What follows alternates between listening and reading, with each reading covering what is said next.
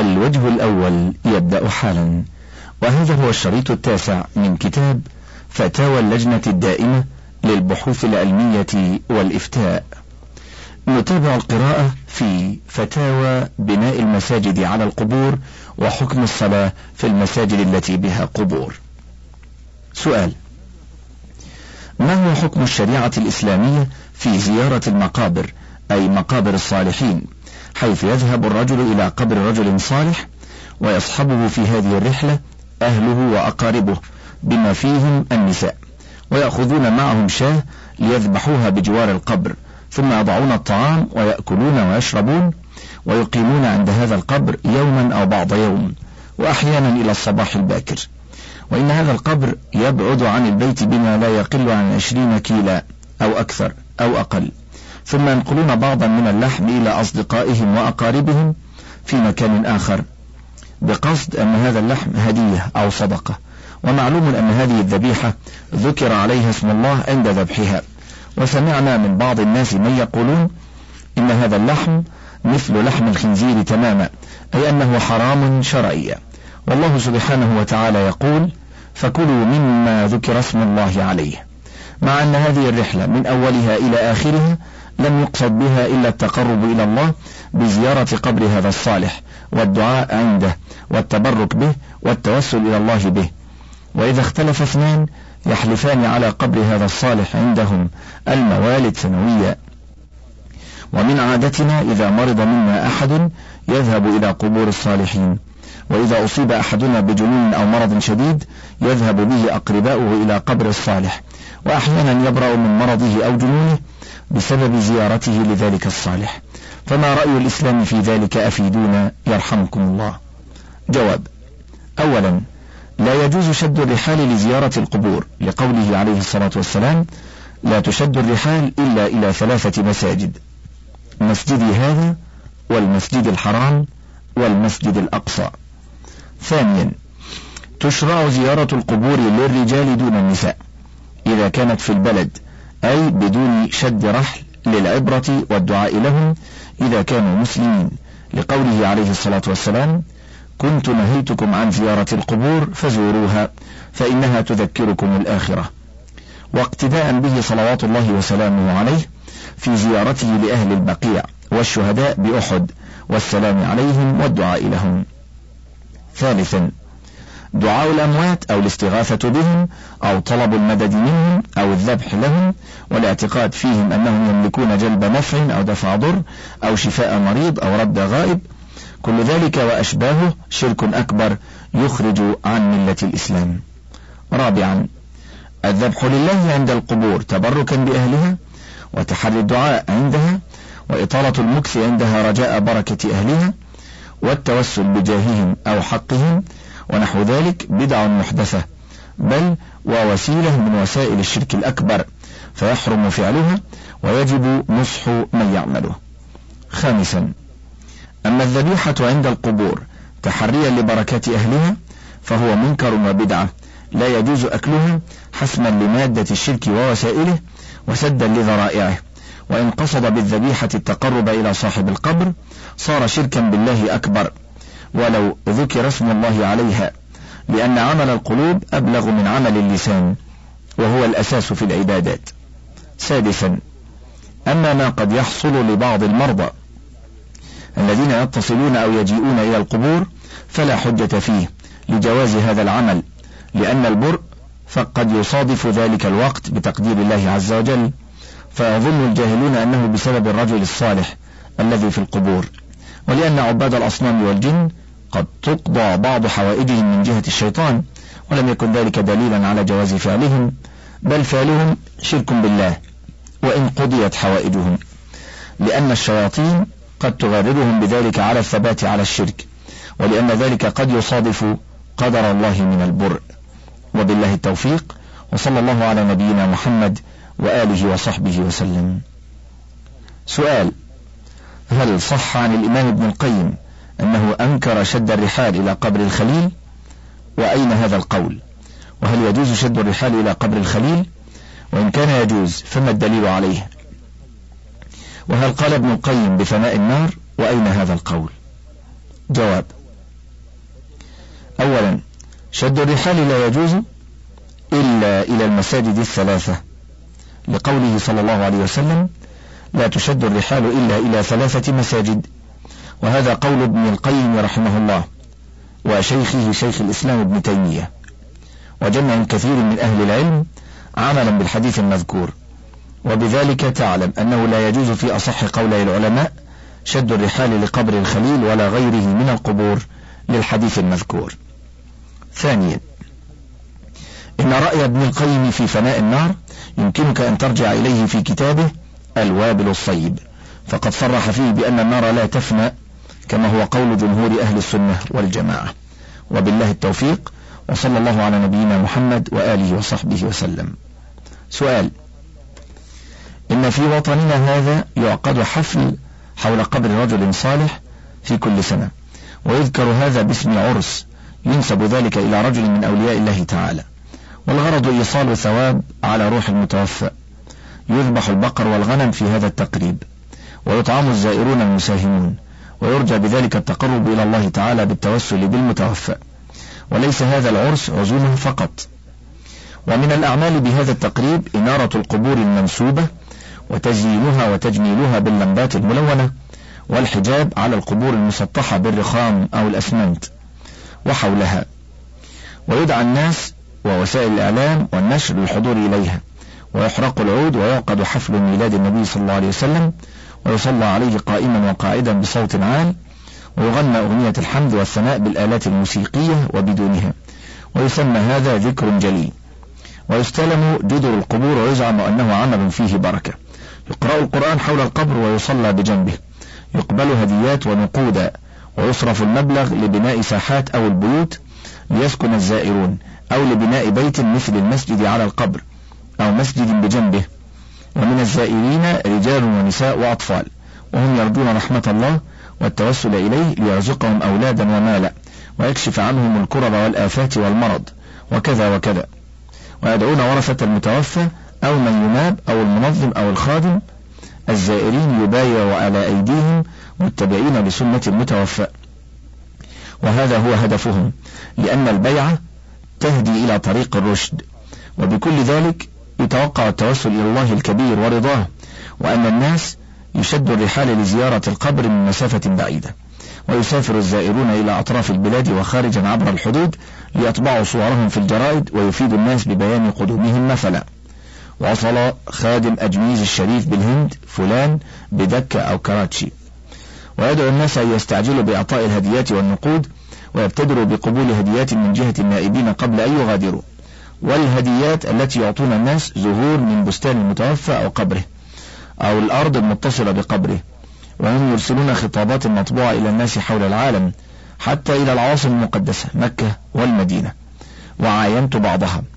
وكتبت هذه المراسلات إلى المسلمين بنجلاديش والباكستانيين بلغاتهم. وهم مقيمون في السعودية للعمل والمراسلات التي رأيتها كانت من نائب أجميز الشريف بالهند يكتب في معنى مواعيد المناسك يعني كيف ومتى يفعل طواف حول القبر كيف ومتى يفتح باب الجنة وهو آخر دار القبر وكذا وكذا والعياذ بالله عز وجل. المهم أنهم يشجعون الناس ويحذرون بهذه المكتوبات ليبعثوا بهديات وأن يرسلوا عناوين أصدقائهم مهما يكون ويعاقبوا فيفعلون ما يؤمرون خشية العقاب ويحسبون أنهم يحسنون صنعا. سيدي عندنا غدير كبير جنب قبر رجل صالح وقد توفي قبل سبعمائة سنة وكان داعيا إلى الإسلام معروفا في التاريخ واسمه شاه جلال اليماني رحمه الله من منطقة سلمت. وفي هذا الغدير المذكور أسماك يزعمونها مقدسة. إذ يموت أي سمك يصلى عليه صلاة الجنازة ويدفن. وفي هذه المنطقة أكثر الناس لا يأكلون حمامة أو يمنع من أكلها بكونها منسوبة إلى ذلك الرجل الصالح. وبعض الناس يعتقدون أنها من ممتلكات شاه جلال فلا يؤكل. وكذا عندنا حاكية سلحفاء المقدسة وغيرها. وقفا نبكي إن في عامنا هذا وفي هذا الأسبوع حدث أمر عجيب. وحذرنا هذا جدا. قد أعلن شخص وهو يتبع رجل لا نعلم عنه أي شيء أنه يريد عرس شيخه. فاستورد خمسة وعشرين من الجمال من باكستان. الجمل حيوان غريب نادر في أرضنا ونقرأ عنه في قصص الصحارى والعرب. وابتاع آلافا من البقر والغنم وسكن البهائم وسكن البهائم بالمعارض في العاصمة ليراها الناس. وكل هذه الأنعام هدي بشعار وقلاد محلي محلي. فجنت قلوب الناس بها حتى ساقوا بالجمل إلى محلها والدبابات أبو كفرتين. والسيارات تجري أمامها وخلفها في الصفوف بكامل الاحتياط العسكري. فمئات آلاف من عوام الناس وخواصهم قد ساهموا العرس. حتى عدد كبير من زعماء البلاد والمسؤولين الكبار من المدنيين والعسكريين في الحكومة وخارجها كانوا في من سافروا إلى محفل العرس الذي استغرق ثلاثة أيام ولياليها بالسيارات وبهليكوبتر. بايعوا الناس على يد النائب المرشد. ورد هذا الفعل والله موبق ما رأينا قبل فنخاف وإيماننا ضعيف.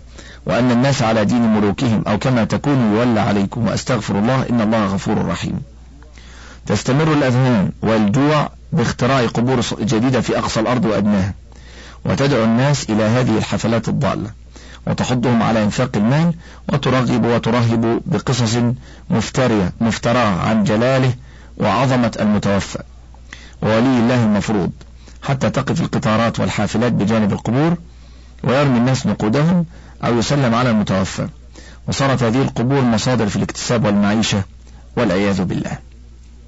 فأفتونا في هذه الأمور كلها في ضوء كتاب الله وسنة رسوله. وإجماع الأمة بالبسط حتى تزول الشبهات عن الأذهان. والله ولي التوفيق وعليه الاتكال. وأدعو الله أن يحفظنا من الأعمال السيئة والشرك والبدعة.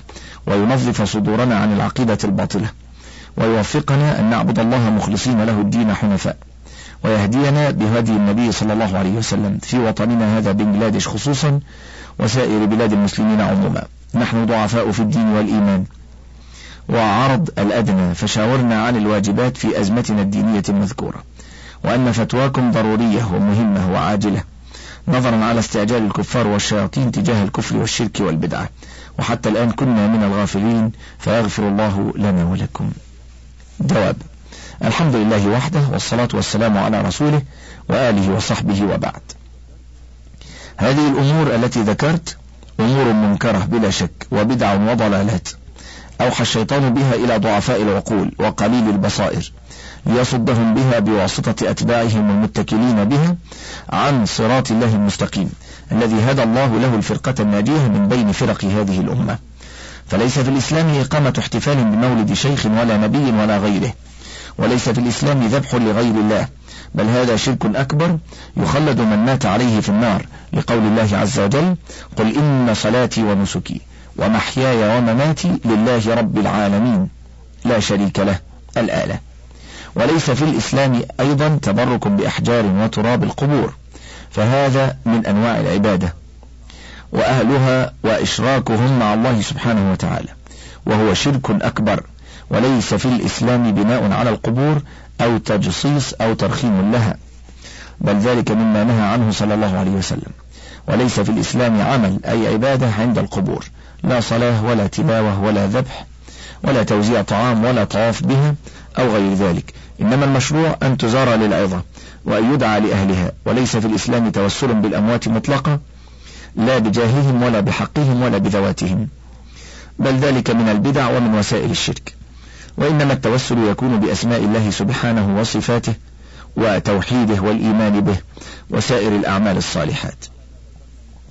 ومن الأدلة على ما ذكرنا من تحريم التبرك بأرض القبور وأهلها وأن ذلك من الشرك الأكبر ما رواه الترمذي وغيره بإسناد صحيح عن أبي واقد الليثي قال خرجنا مع رسول الله صلى الله عليه وسلم إلى حنين ونحن حدثاء عهد بكفر وللمشركين سدرة يعكفون عندها وينوطون بها أسلحتهم. يقال لها ذات أنواط. فمررنا بسدرة فقلنا يا رسول الله اجعل لنا ذات أنواط كما لهم ذات أنواط. فقال رسول الله صلى الله عليه وسلم الله أكبر إنها سنن. قلتم والذي نفسي بيده كما قالت بنو إسرائيل لموسى اجعل لنا إلها كما لهم آلهة. وبالله التوفيق وصلى الله على نبينا محمد وآله وصحبه وسلم. الغلو في الرسول صلى الله عليه وسلم. سؤال هل كان نور محمد من نور الله أو من غيره؟ جواب للنبي صلى الله عليه وسلم نور هو نور الرسالة والهداية التي هدى الله بها بصائر من شاء من عباده. ولا شك أن نور الرسالة والهداية من الله. قال الله تعالى وما كان لبشر أن يكلمه الله إلا وحيا أو من وراء حجاب أو يرسل رسولا فيوحي بإذنه ما يشاء. إنه علي حكيم. وكذلك أوحينا إليك روحا من أمرنا. ما كنت تدري ما الكتاب ولا الإيمان. ولكن جعلناه نورا نهدي به من نشاء من عبادنا. وإنك لتهدي إلى صراط مستقيم. صراط الله الذي له ما في السماوات وما في الأرض ألا إلى الله تصير الأمور. من آخر سورة الشورى. وليس هذا النور مكتسبا من خاتم الأنبياء كما يزعمه بعض الملاحدة. أما جسمه صلى الله عليه وسلم فهو دم ولحم وعظم إلى آخره. خلق من أب وأم ولم يسبق له خلق قبل ولادته. وما يروى من أن أول ما خلق الله نور النبي محمد صلى الله عليه وسلم أو أن الله قبض قبضة من نور وجهه وأن هذه القبضة هي محمد صلى الله عليه وسلم ونظر إليها فتقاطرت منها قطرات فخلق من كل قطرة نبيا أو خلق الخلق كلهم من نوره صلى الله عليه وسلم فهذا وأمثاله لم يصح منه شيء عن النبي صلى الله عليه وسلم. راجع الصفحة السادسة والستين بعد الثلاثمائة وما بعدها من مجموع الفتاوى لابن تيمية في الجزء الثامن عشر. سؤال هل يأتي النبي صلى الله عليه وسلم بنفسه عند الميت أو تحضر صورته؟ جواب حضور النبي صلى الله عليه وسلم أو غيره ممن أفضى إلى ربه من الأمور الغيبية التي لا تعرف إلا بتوقيف الشرع وتعريفه لعباده بها. فليس لأحد أن يخوض في هذا إلا بنص شرعي. ولم يثبت في آية ولا حديث أنه صلى الله عليه وسلم حضر عند ميت ما بنفسه ولا بصورته.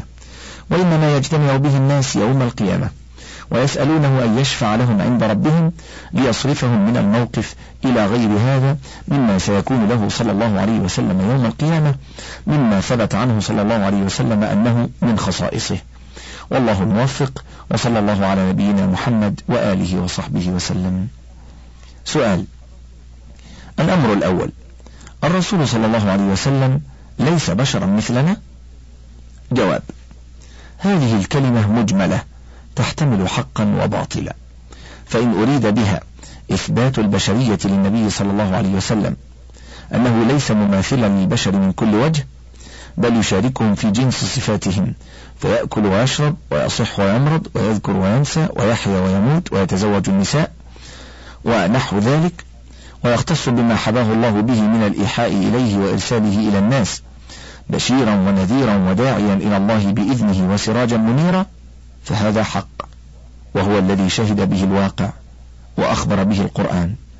قال الله تعالى قل إنما أنا بشر مثلكم يوحى إلي أنما إلهكم إله واحد. فمن كان يرجو لقاء ربه فليعمل عملا صالحا ولا ولا يشرك بعبادة ربه أحدا.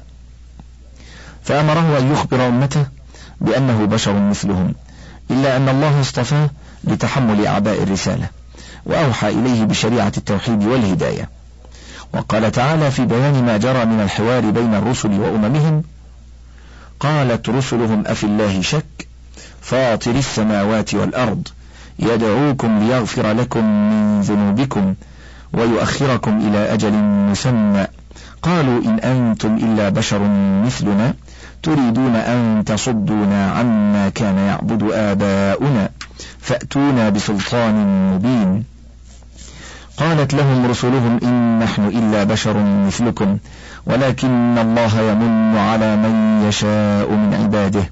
وما كان لنا أن نأتيكم بسلطان إلا بإذن الله وعلى الله فليتوكل المؤمنون. فأقر الرسل بأنهم بشر مثلنا ولكن الله من عليهم بالرسالة.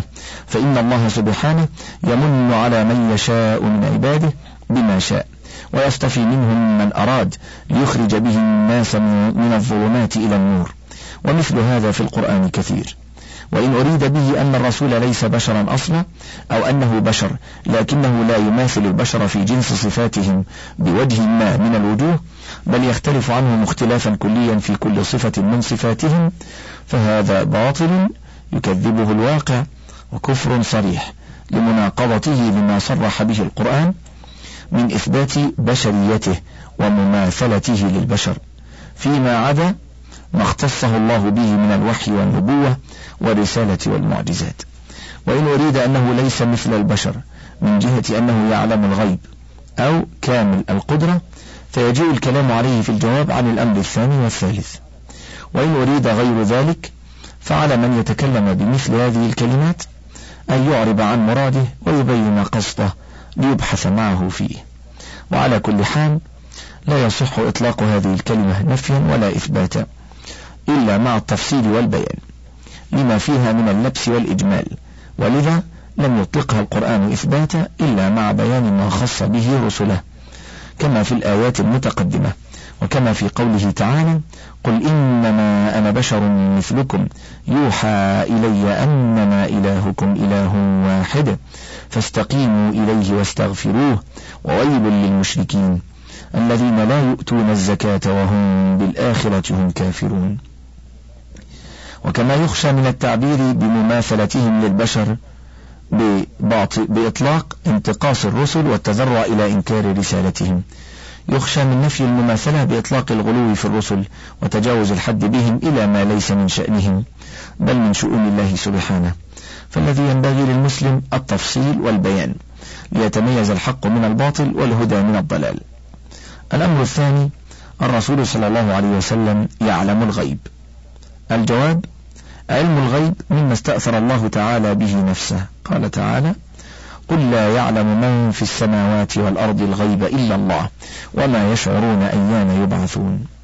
وقال تعالى وعنده مفاتح الغيب لا يعلمها إلا هو ويعلم ما في البر والبحر وما تسقط من ورقة إلا يعلمها ولا حبة في ظلمات الأرض ولا رطب ولا يابس إلا في كتاب مبين. وقال الله تعالى إن الله عنده علم الساعة وينزل الغيث ويعلم ما في الأرحام وما تدري نفس ماذا تكسب غدا وما تدري نفس بأي أرض تموت إن الله عليم خبير. وقال تعالى قل لا أملك لنفسي نفعا ولا ضرا إلا ما شاء الله. ولو كنت أعلم الغيب لاستكثرت من الخير وما مسني السوء. إن أنا إلا نذير وبشير لقوم يؤمنون. وقال تعالى قل ما كنت بدعا من الرسل وما أدري ما يفعل بي ولا بكم. إن أتبع إلا ما يوحى إلي وما أنا إلا نذير مبين. إلى غير هذا من الآيات التي تدل على أن الله سبحانه استأثر بعلم الغيب. لكن يطلع الله بعض عباده كالرسل والملائكة على بعض الغيبيات فيعلمون منها بقدر ما أعلمهم الله فقط. قال تعالى قل إن أدري أقريب ما توعدون أم يجعل له ربي أمدا؟ عالم الغيب فلا يظهر على غيبه أحدا إلا من ارتضى من رسول فإنه يسلك من بين يديه ومن خلفه رصدا. وقال تعالى في بيان ما يصيب الملائكة من الغش عند سماع كلامه تعالى وما يكون من أمرهم بعد أن يزال عنهم الفزع حتى إذا فزع عن قلوبهم قالوا ماذا قال ربكم؟ قالوا الحق وهو العلي الكبير. وروى البخاري في صحيحه من طريق عبد الله بن عمر رضي الله عنهما أن رسول الله صلى الله عليه وسلم قال مفاتح الغيب خمس لا يعلمهن إلا الله. إن الله عنده علم الساعة وينزل الغيث ويعلم ما في الأرحام وما تدري نفس ماذا تكسب غدا وما تدري نفس بأي أرض تموت إن الله عليم خبير.